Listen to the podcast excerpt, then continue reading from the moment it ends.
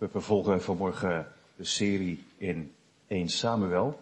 Daarom beginnen we te lezen met vers 12 tot en met 22 uit hoofdstuk 4. 1 Samuel 4, vers 12 tot en met 22. En dan sluitend vanuit het Nieuwe Testament Johannes 1, vers 1 tot en met 16. Johannes 1, vers 1 tot en met 16.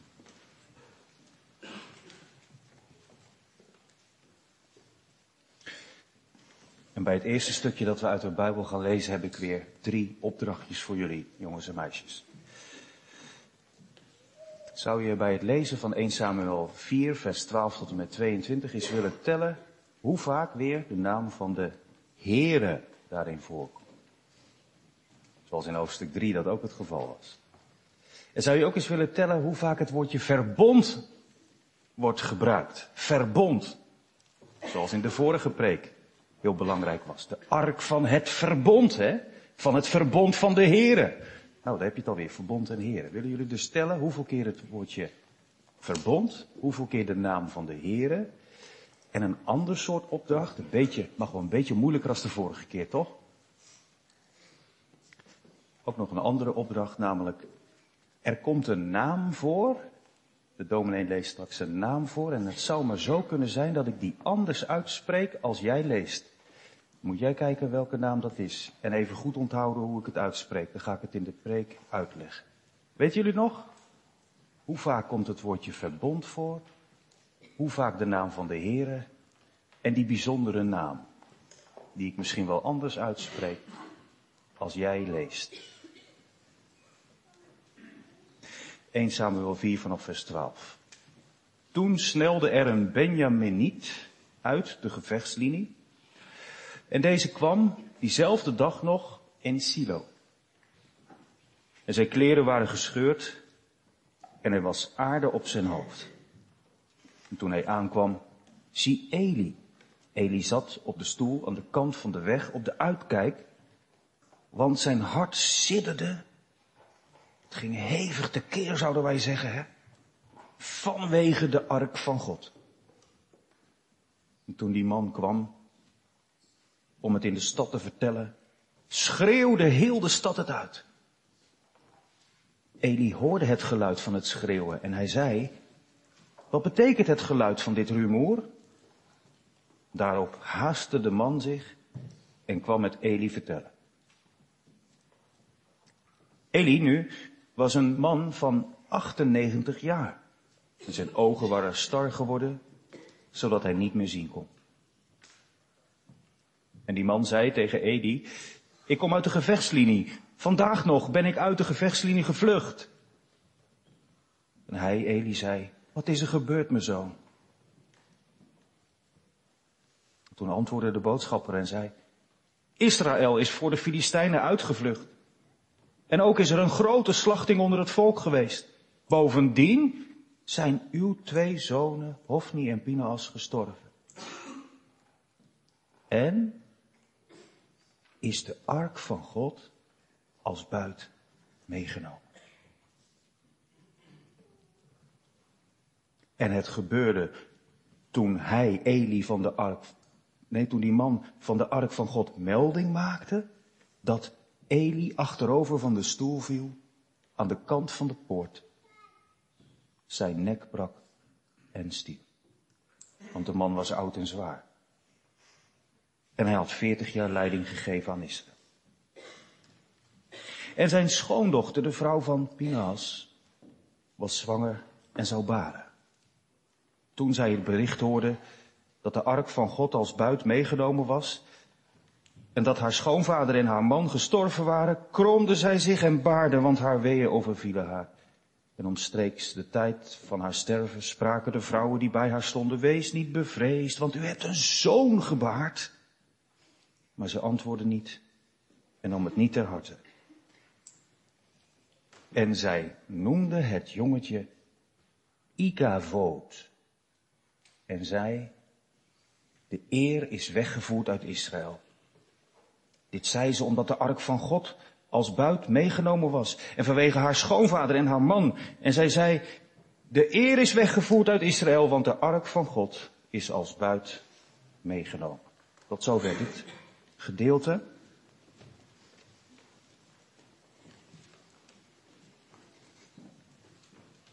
Straks in de preek ga ik kijken of jullie goed hebben opgelet, jongens en meisjes. Meteen aan het begin.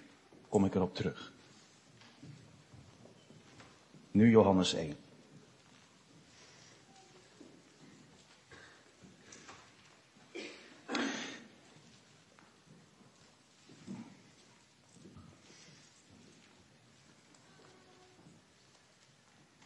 In het begin was het woord.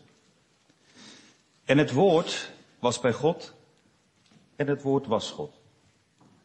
Dit was in het begin bij God. Alle dingen zijn door het woord gemaakt. En zonder dit woord is geen ding gemaakt dat gemaakt is. In het woord was het leven. En het leven was het licht van de mens. En het licht schijnt in de duisternis. En de duisternis heeft het niet begrepen. Er was een mens, door God gezonden, zijn naam was Johannes. Hij kwam tot een getuigenis om van het licht te getuigen, opdat alle door hem geloven zouden. Hij was het licht niet, maar was gezonden om van het licht te getuigen. Dit was het waarachtige licht dat in de wereld komt en ieder mens verlicht. Hij was in de wereld. En de wereld is door hem ontstaan en de wereld heeft hem niet gekend. Hij kwam tot het zijne, maar de zijnen hebben hem niet aangenomen. Maar alle die hem aangenomen hebben, hun heeft hij macht gegeven, kinderen van God te worden. Namelijk die in zijn naam geloven, die niet uit het bloed, niet uit de wil van vlees, ook niet uit de wil van een man, maar uit God geboren zijn. En het woord is vlees geworden en heeft onder ons gewoond. En wij hebben zijn heerlijkheid gezien. Een heerlijkheid als van de enige geborene van de Vader, vol van genade en waarheid. Johannes getuigt van hem en heeft geroepen, hij was het van wie ik zei, hij die na mij komt is voor mij geworden, want hij was er eerder dan ik. En uit zijn volheid hebben wij allen ontvangen en wel genade op genade. Tot zover. De lezing van het tweede gedeelte uit de Bijbel, waar ik ook in de preek op terug zal komen. Het thema van de preek naar aanleiding van 1 Samuel 4 vers 12 tot en met 22 is, waar is ik ben nu? Ik ben Weten jullie wel, jongens en meisjes, de betekenis van de naam Heere. Ik ben. Ik zal er zijn. Waar is hij? Waar is hij hier? Waar is hij nu? Voor Israël. Maar ook voor ons. We letten op twee dingen. De eerste lijn die ik trek is, Eli valt weg. Hij valt niet alleen achterover, maar hij valt ook weg uit, ja, uit het hele verhaal. Zijn leiderschap van 40 jaar is voorbij. Edi valt weg. En Ikavoot wordt geboren. En de tweede lijn die we trekken is, naast die dingen die we zien gebeuren, is er ook de eer van God. En die is onveranderlijk. Misschien een beetje een moeilijke zin, jongens en meisjes, maar ik ga dat straks proberen uit te leggen. De eer van God is onveranderlijk. Mensen vallen weg. Mensen sterven. Een nieuwe generatie komt, krijgt een dramatische naam. Maar in dat alles is de eer van de Heer onveranderlijk. Dat betekent, die blijft altijd dezelfde. Het is maar de vraag of je kunt zeggen dat die weg kan gaan. Nou dat. Ja jongens en meisjes, en dan ben ik maar meteen ook aan het begin van de preek bij jullie, zoals gezegd. Snap je waarom ik het thema zo heb gekozen? Waar is ik ben nu? Waar is de Heere nu? Jullie hebben allemaal geteld. En ik denk misschien dat je het nog eens na hebt geteld, want jij bent denk ik tot de conclusie gekomen dat de naam Heere nul keer stond. In het stukje dat we hebben gelezen. Nul. En het woordje verbond. Hoeveel keer? Goed zo. Geen één vinger. Dat kan jij goed hebben. Maar is dat dan wel goed? Als het in het vorige hoofdstuk zo vaak ging over de Here.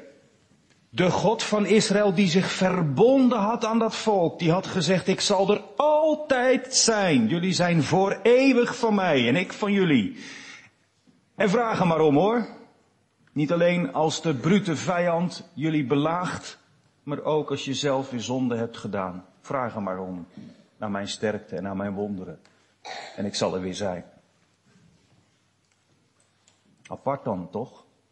Daar zit wel een boodschap in als die naam niet meer wordt genoemd. En het gaat hier dan nog wel over de ark, maar niet meer over het verbond. Waar is de Heer? Is hij gestopt met Israël? Vandaar dat we samen die psalm ook zongen, gemeente. Een psalm die de eeuwen door is bewaard gebleven. En die de afgelopen jaren, jaren, jaren in de christelijke gemeentes, in de kerk, als heel herkenbaar is bezongen. Misschien moet je lang terugbladeren in je levensboek. Of, uh, dat weet ik ook wel, die zijn er ook. Die zeggen, hebt u even, ik ben het aan het schrijven. Is gewoon vandaag, actueel. Het hoofdstuk van mijn leven. Waar is de belovende God? Nu. Nu ik hem nodig heb. Het zijn spannende momenten, hè? Zeker als je aanvoelt, dat is die God die heeft gezegd, niet één van mijn woorden valt zomaar ter aarde. Zeker als je aanvoelt, de reden dat ik merk dat God wegleidt, zit hier.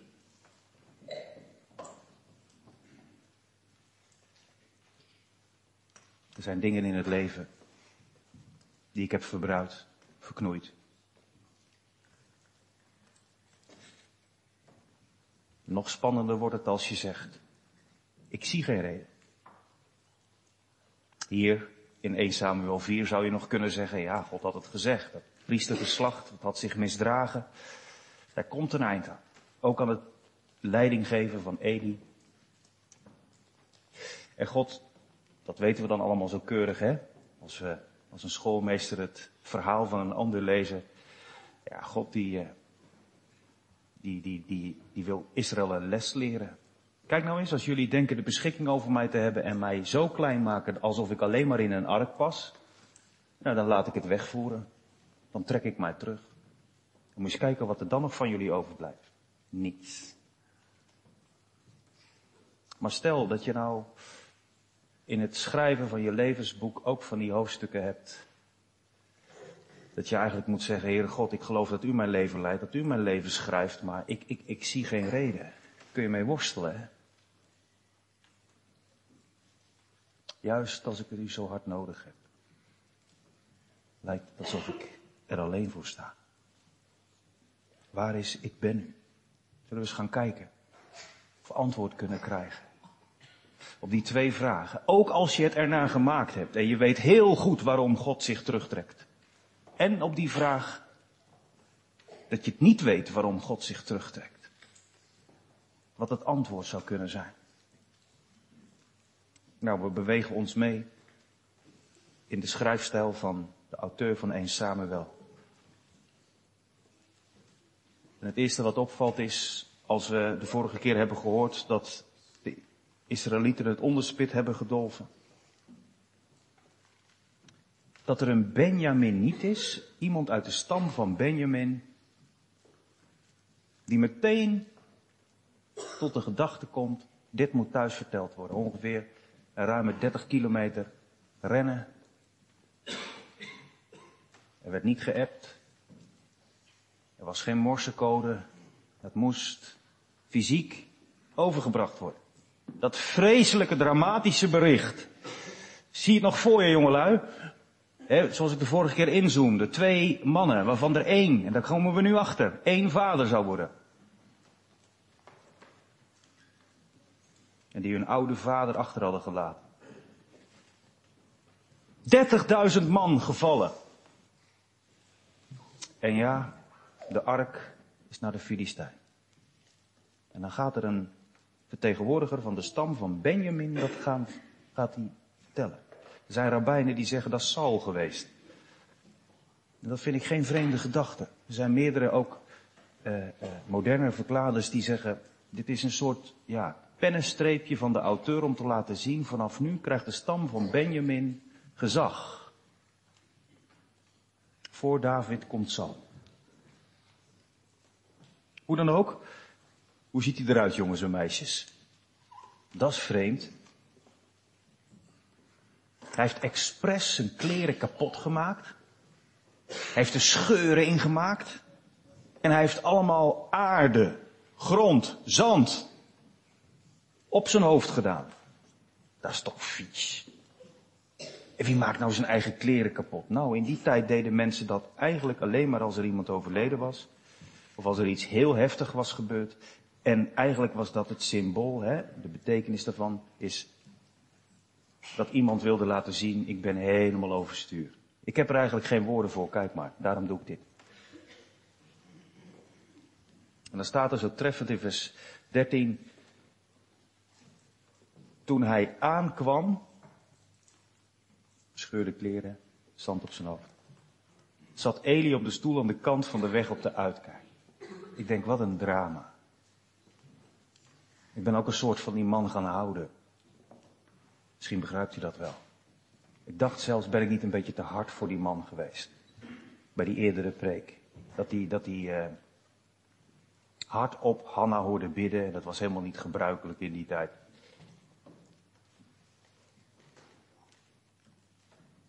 Het blijkt in dit hoofdstuk, niet eens zo lang daarna, dat die man echt oud is en slecht van gezichtsvermogen. Hij is gewoon eigenlijk blind. En hij wordt hier getekend als iemand, als de blinde die op de uitkijk zit. Dat staat er toch? Zit op zijn stoel aan de kant van de weg op de uitkijk. Uitgerangeerd. Hij ziet eigenlijk niks, hij kijkt. Hier doet eigenlijk al heel veel mee, hè? Als je de vorige preken mee laat wegen en misschien nog een paar beter. De vorige hoofdstukken. Lamp was bijna uit. Waren geen visioenen meer. En de leider is blind, zit op de uitkijk. En wij weten ondertussen de eer van God. De ark is weggenomen.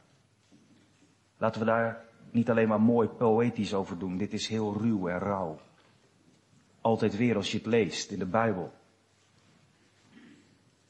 Dit kan dus gebeuren. Niet alleen bij het volk dat naar Gods naam is genoemd, maar ook bij een gedoopte gemeenschap. Bij christenen. Dat het uitdooft. Dat de eerste liefde weggaat. Dat de kandelaar wordt weggenomen. Dat God een terugtrekkende beweging maakt. Laten we niet doen alsof dat niet gebeuren kan, ook vandaag niet. En alsof God dat maar zomaar laat gebeuren zonder dat hij daar iets van vindt. Toen die man kwam om het de stad te vertellen, schreeuwde heel de stad het uit. En als het niet erger kon dan dat, Eli, Eli ziet het niet, maar hoort het wel. Zijn hart sidderde al vanwege de ark van God, dat wist hij al. Die was weg, die was meegenomen. En hij hoort het schreeuwen van de mensen en hij zegt, wat betekent dit rumoer? En de man die haast zich, die loopt door, komt bij Eli, vertelt het hem. En dan komt die beschrijving van deze man, 98 jaar, zijn ogen waren star geworden, zodat hij niet meer kon zien. En die man zei tegen Eli, ik kom uit de gevechtslinie. Nou, we hebben het samen gelezen. Eli wil precies weten wat er is gebeurd. En dat was bij Samuel ook al zo. Vertel me goed wat er is gebeurd. Wat is er gebeurd, mijn zoon? En dan komt het antwoord. En dan gebeurt er iets opvallends als u meeleest, vers 17. Wat zegt de boodschapper? Israël is voor de Filistijnen uitgevlucht. Er is een grote slachting onder het volk geweest. Bovendien zijn, uit twee, zijn uw twee zonen, Hofni en Pinhas, gestorven. En is de ark van God meegenomen. En het gebeurde toen hij van de ark melding maakte, dat Eli achterover van zijn stoel viel. Het meest schokkende voor deze priester is niet die massaslachting van 30.000 man. Dat ook. Maar dat breekt hem niet. Waar hij ten diepste zijn nek met eerbied gesproken overbreekt, is ook niet dat zijn twee jongens zijn gestorven. Maar als er melding wordt gemaakt van de ark van God die weg is, valt hij achterover van zijn stoel. Niet iedereen die achterover van zijn stoel valt breekt zijn nek, maar Eli wel. Misschien dat het ermee te maken heeft gehad dat hij oud en zwaar was in die combinatie. Er staat al fijntjes achter. 40 jaar had hij leiding gegeven aan Israël. Hij valt weg. En ik weet niet hoe het u vergaat, maar wij willen dat graag duiden. Hè? Of het nu Eli is, of het nu Saul is, of het nu Judas is. Daar waar de Bijbel zwijgt, gaan wij gauw aan het rekenen. Hoe is het nou afgelopen met deze man?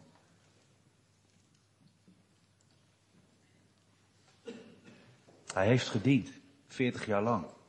Verdiende net de schoonheidsprijs. Misschien in het begin wel. Aan het eind zeker niet. Oud geworden, zwaar geworden. Uitgerangeerd.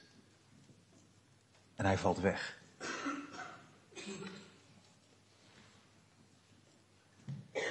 Ik ga dat niet mooier maken, gemeente. Misschien is Eli wel een voorbeeld voor ons. Ook voor de oudere gemeente de oudere generatie. God zij dank zijn er onder ons en altijd weer die groen en fris zijn. Die zijn beter bij de tijd dan de jeugd. Die ken ik, ouderen. Die het doorhebben. Die weten, ja, dat was ook al eigenlijk beschreven. Visioenen en dromen, voor oud en jong. En ik klaag niet alleen, al heb ik er alle reden toe, als ouderen. Maar ik zie dat we steeds dichter bij een nieuwe tijd komen. Maar hoe aangrijpend. Als je merkt, als je terugkijkt op je gezinsleven, hoe je het vormgegeven hebt, dat het ook kan mislukken. Dat slaat de Bijbel niet over. En dan niet om je naar huis te sturen en te zeggen, nou fijn, trap na. Nee hoor. Dat is altijd bedoeld in de prediking van het woord als je je erin herkent als een beweging naar God toe nu je leeft. Geef het weer terug in zijn handen. Je bent maar een voorbijganger. Je bent maar een boodschapper. Maak goed voordat je gaat wat je goed kunt maken. En vertrouw op de genade van God. En voor, laat het een, een, een les zijn om te voorkomen dat je behoort tot een generatie die op een gegeven moment aan de kant van de weg zit en het moet horen van een ander. Ja, dat is de eerste beweging. Edi valt weg. Maar er gebeurt ook iets anders, gelukkig. Net zoals dat in het begin zo onvoorstelbaar mooi was. Ouderen sterven, maar kinderen worden geboren. Er wordt een jongetje geboren. Maar het is niet hoopvol, gemeente. Want de beweging die de schrijver maakt, is even dramatisch. De schoondochter van Eli, de vrouw van Pinaas, was zwanger hoogzwanger, stond op het punt om te baren. Het zat er al aan te komen. De geboorte van een kind. Heeft ze het erover gehad met Pinas? Zullen we hem Jacob noemen? Zullen we hem vernoemen naar, naar Eli, mijn God?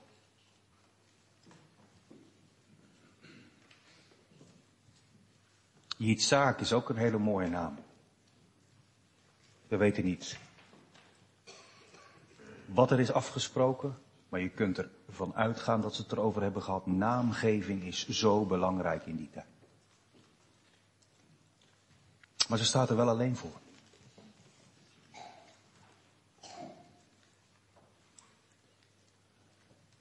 Hoe heftig is dat gemeente? Hoogzwanger en horen dat de vader van het kind er niet bij kan zijn. Niet vanwege een drukke agenda of vergadering, maar omdat hij gestorven is. Wetend dat de vader van dit kind geen voorbeeldvader was. Hij is weggerukt. Zijn baard de wee haar overvallen een jongen.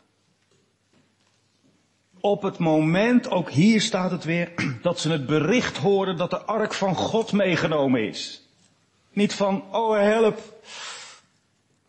Nou kan Pina als ze er niet bij zijn, dan moet ik dat kind alleen opvoeden. Begrijp me goed gemeente, maar misschien was dat nog wel beter ook. Het kan voor sommige mensen ook heel herkenbaar zijn.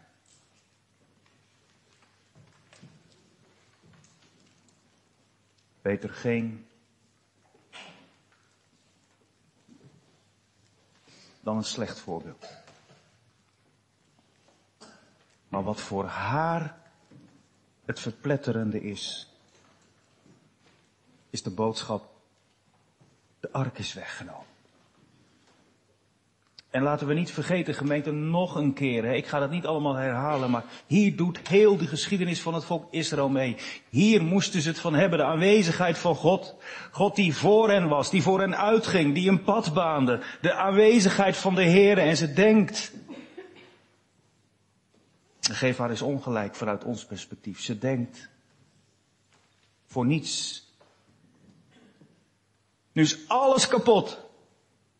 En ze kromt zich en ze baart zo beeldend als dat beschreven wordt op basis van het Hebreeuws.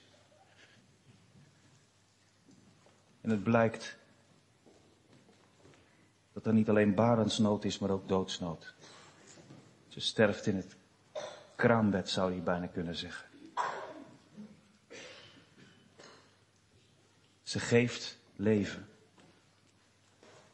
Maar het leven dat ze geeft, wordt haar dood. Dan zijn er nog een paar vrouwen die proberen haar te troosten. Wees niet bevreesd. U hebt een zoon gebaard, nota bene. Wat een eer voor een vrouw in die tijd. Een zoon gebaard.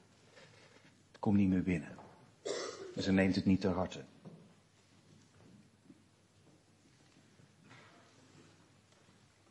Gemeente, wat zie ik er naar uit om die vrouw nog een keer te spreken. De nieuwe aarde. Om de andere kant van het verhaal te horen. Dat na een leven van lijden met zo'n man en te sterven na de geboorte van je kind te hebben ontdekt. God is trouw. Ik kan wel denken dat de eer weg is, maar zijn eer is onveranderlijk.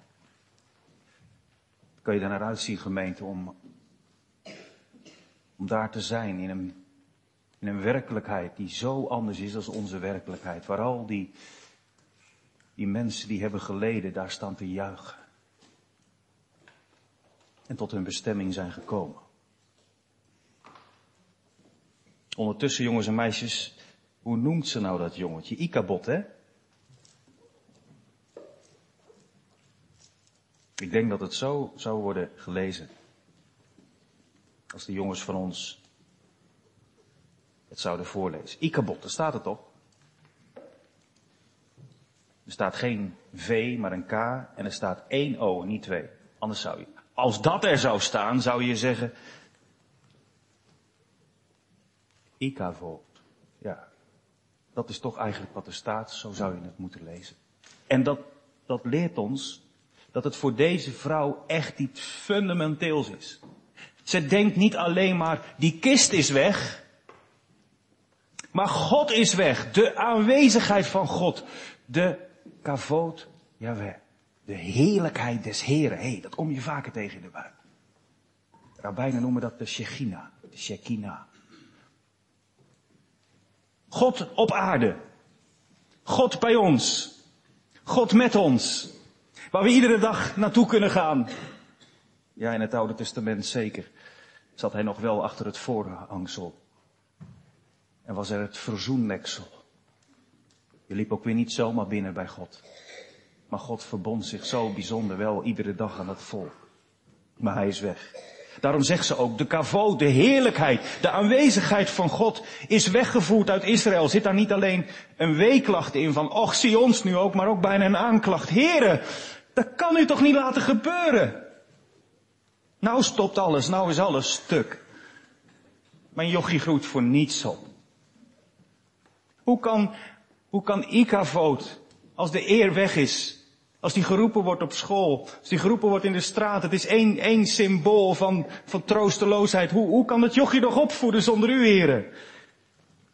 Opgevoed worden zonder u, heren.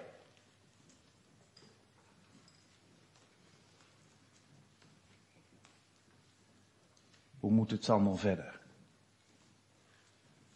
Als de eer, de heerlijkheid van de Heere weg is. Ja, dan de tweede lijn van de preekgemeente. Heeft deze vrouw het nou helemaal goed gezien? Wij gaan niet over haar gevoel. Je moet het maar meemaken. Maar wat wij moeten doen bij het lezen van de Bijbel, is luisteren naar de boodschap van God. En beseffen het geloof is uit het gehoor. Wat hoor ik hierin, in deze geschiedenis? Dat God laat zien het belangrijkste symbool van mijn aanwezigheid. Kijk uit. Als je denkt dat ik zo klein ben, dat ik samenval met de ark, dan vergis je je. Als je denkt dat je met zo'n symbool voor de vijand kan pronken en zeggen, nou gaan we het redden, want we hebben God in onze zak, dan vergis je. Maar als je denkt dat ik wegga als de ark weg is, als je denkt dat mijn heerlijkheid uitdooft als het lampje uitgaat. Als je denkt dat mijn heerlijkheid afhankelijk is van hoe goed mijn volk hun best doet om mij eer te geven, dan vergis je. En dat is de enorme bemoediging, gemeente. Een moeder kan denken, man dood, schoonvader weg. Je vergeet Samuel, je vergeet wie de Heer is en je zegt, de ark is weg is klaar. De aarde is niet meer vol van Gods heerlijkheid. Maar God is groter dan de arm. Hij is trouwer dan zijn volk. Hij is vele malen genadiger. Vele malen genadiger dan u en jij en ik bij elkaar kan denken. Gaat het daarom op het laatste nippertje dan toch altijd goed? Nee, het gaat soms door de dood en de drama's heen. Lees de Bijbel. Maak dat niet mooi. Maar de belofte is, hè, als je dingen naar de knoppen ziet gaan, en ik zeg het maar een beetje bruut, omdat het ook niet anders is, als je de wereldgeschiedenis bekijkt, als je ziet wat er allemaal gaande is geweest, maar ook in je eigen leven, waarin je soms je eigen schuurt en stoot, dan roept dit om meer dan de ark. Dat had God al beloofd. God had beloofd dat hij zou komen. En hij is gekomen. Jongens en meisjes. Eeuwen na deze strijd. Eeuwen na de dood van deze vrouw. Eeuwen na de dood, na, na de geboorte van Ikavoot. Is het heel donker geworden. Heel donker in de tijd van Israël. De Romeinen hebben het voor het zeggen. En heel donker is de nacht waarin de herders de wacht houden over de kudde. Je zou, als je niet meer wist van wat de profeten tussendoor in de ballingschap allemaal hebben gezegd, Je zou als je niet meer wist van de ballingschap en wat er allemaal nog meer is weggevoerd in Israël, zou je kunnen denken, zie je wel, die vrouw heeft gelijk gehad. Stop er maar mee, het heeft geen zin meer. Het is donker geworden. 400 jaar heeft God niet meer gesproken. Dus als je, als je niet meer kunt zien en je hoort niks meer, dan zal het toch wel een keer klaar zijn. En de herdertjes lagen bij nacht in het veld. En wat komt er dan te sprake in het evangelie van Gods Zoon, onze Heer? Wat gebeurt er? Je zou zeggen, de hemel gaat open. Een engel van de Heere stond bij hen. En wat staat er dan? De heerlijkheid van de Heere omscheen hen en zij werden zeer bevreesd. Maar de engel zei, wees niet bang. Want zie, ik verkondig u mega blijdschap die voor heel het volk wezen zal. Namelijk dat heden voor u geboren is. Ikavod? Nee. Emmanuel. Verlosser. De gezalfde zoon van David. De beloofde. En daarom is er hoop. Niet alleen voor Israël. Zeker, had Ezekiel al gezegd. De heerlijkheid van de Heer en de aanwezigheid van de Heer, die trekt zich terug. Eerst tot op de drempel, dan tot aan het oosten van de stad, dan op de berg. Maar die heerlijkheid komt terug. In Ezekiel 43 wordt er al geprofiteerd van een nieuwe tempel, een nieuwe toekomst. En daar wordt gezegd, de heerlijkheid van de Heere. Ik zie hem het huis weer binnenkomen via de poort die op het oosten uitzag. En zegt Ezekiel, toen hief de geest mij op en bracht mij in het voorhof. En zie de heerlijkheid van de Heere vervulde het huis weer. God houdt woord. Niet alleen als hij dreigt. Hij komt altijd terug op wat hij heeft beloofd. En dan nu wij gemeente. Johannes heeft het gezien. Hij kwam tot het zijne en de zijnen hebben hem niet aangenomen. Maar in ieder die hem aanneemt, die heeft hij volmacht gegeven om een kind van de Vader te zijn. Waarom? Omdat Jezus naar de aarde kwam. En wij hebben toen Jezus ons leven binnenkwam, door het geloof, zijn heerlijkheid gezien. Wat? De heerlijkheid van de Vader gezien. In de kribbe en aan het kruis. Dat betekent dat je niet zo diep gevallen kunt zijn of je wordt door hem verlost. Zo groot is die beweging die God maakt van boven naar beneden. Zo dierbaar en kostbaar is het offer dat Jezus bracht. Maar ook zo veelbelovend is wat hij heeft gedaan in ons lijden. Zoals Christus geleden heeft buiten de lege plaats, mogen wij uitgaan naar Hem. Snap je alles? Snap je alles van wat God in je leven doet? Als het lijkt alsof God zich terugtrekt en je ziet, zoals Johannes bij, als enige ooggetuige bij het kruis heeft gestaan, je ziet wat hij zag en je hoort wat hij hoort. Dat Jezus riep, mijn God, mijn God, waarom hebt u mij verlaten? Dat je denkt, in dat lijden van u is heel de pijn van mij al meegegaan. U die boven kwam, de angst te boven, de dood te boven. U die alles overziet, u die regeert, Jezus overwinnaar. U heb ik leren kennen.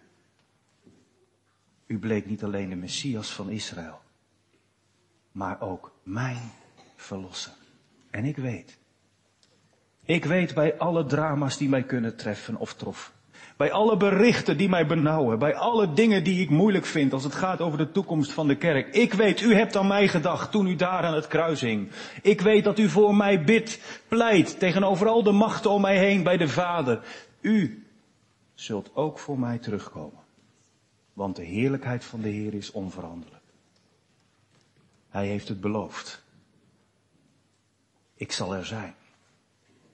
Zijn naam kan verbleken in de Bijbel.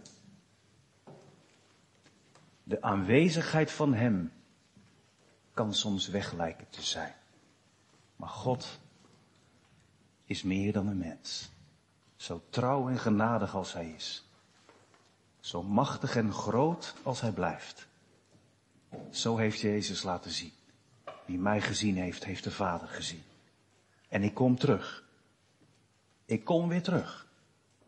Een wolk nam mij ooit weg. Maar de heerlijkheid van mijn Vader brengt me ook weer terug. En dan zal alle oog mij zien. Wat moet dat zijn, gemeente? Nou ja, dat zeggen we dan vaker. Wat zal dat zijn? Nou, is dat niet de boodschap van het evangelie? Dat weet u toch, u die gelooft. Dat zal altijd beter, mooier, dieper, hoger zijn dan ik hier kan vermoeden. Dat is niet omdat God, mij hier in raadselen laat leven, maar omdat Hij die grote verrassing achter de hand houdt. Sommigen komen met de schrik vrij.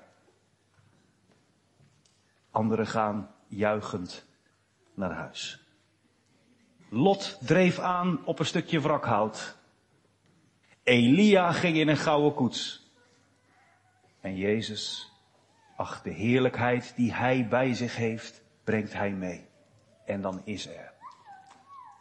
Alle verscheidenheid die er is, ook op de nieuwe aarde, tussen al die verschillende mensen. Eén en dezelfde dresscode. Een witte mantel. Vol van genade en waarheid. Amen.